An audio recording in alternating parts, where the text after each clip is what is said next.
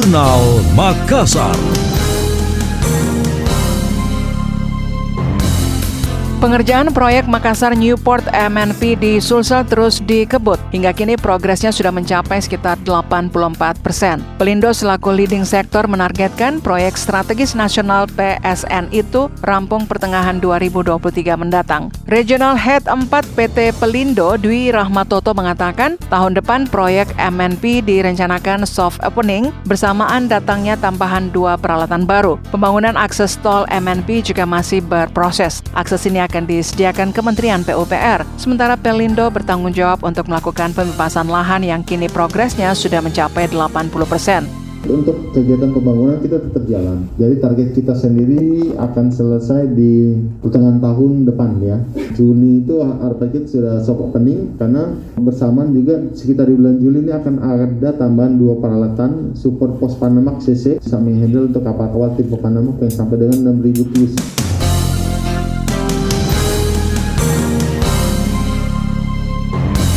Proyek tol MNP ditarget sudah bisa beroperasi Juni 2023 nanti. Proyek yang menelan investasi 705 miliar ini akan menghubungkan MNP dengan bandara. Proyek jalan tol baru ini diharapkan meningkatkan konektivitas pelabuhan dengan jaringan tol X16. Kehadiran akses tol dinilai sangat dibutuhkan karena MNP menjadi pelabuhan terbesar di kawasan timur Indonesia KTI.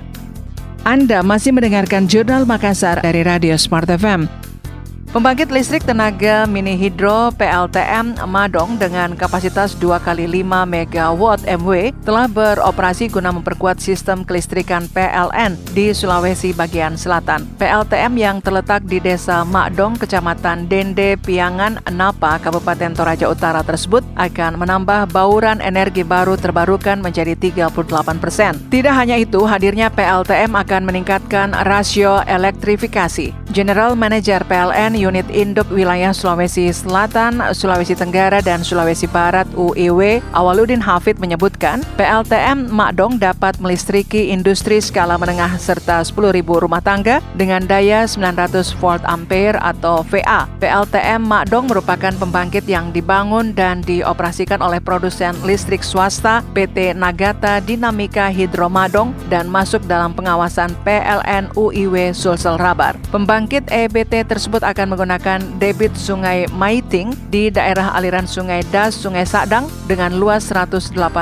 km persegi. Lebih lanjut, Awaludin Hafid menjelaskan energi hijau yang dihasilkan oleh PLTM Makdong akan dikirim melalui jaringan tegangan menengah JTM 20 kV atau KV sepanjang 14 km sirkuit atau KMS ke titik interkoneksi IPP dan PLN di Gardu Hubung Alang-Alang. Selanjutnya akan dialirkan kepada pelanggan di Kabupaten Toraja Utara.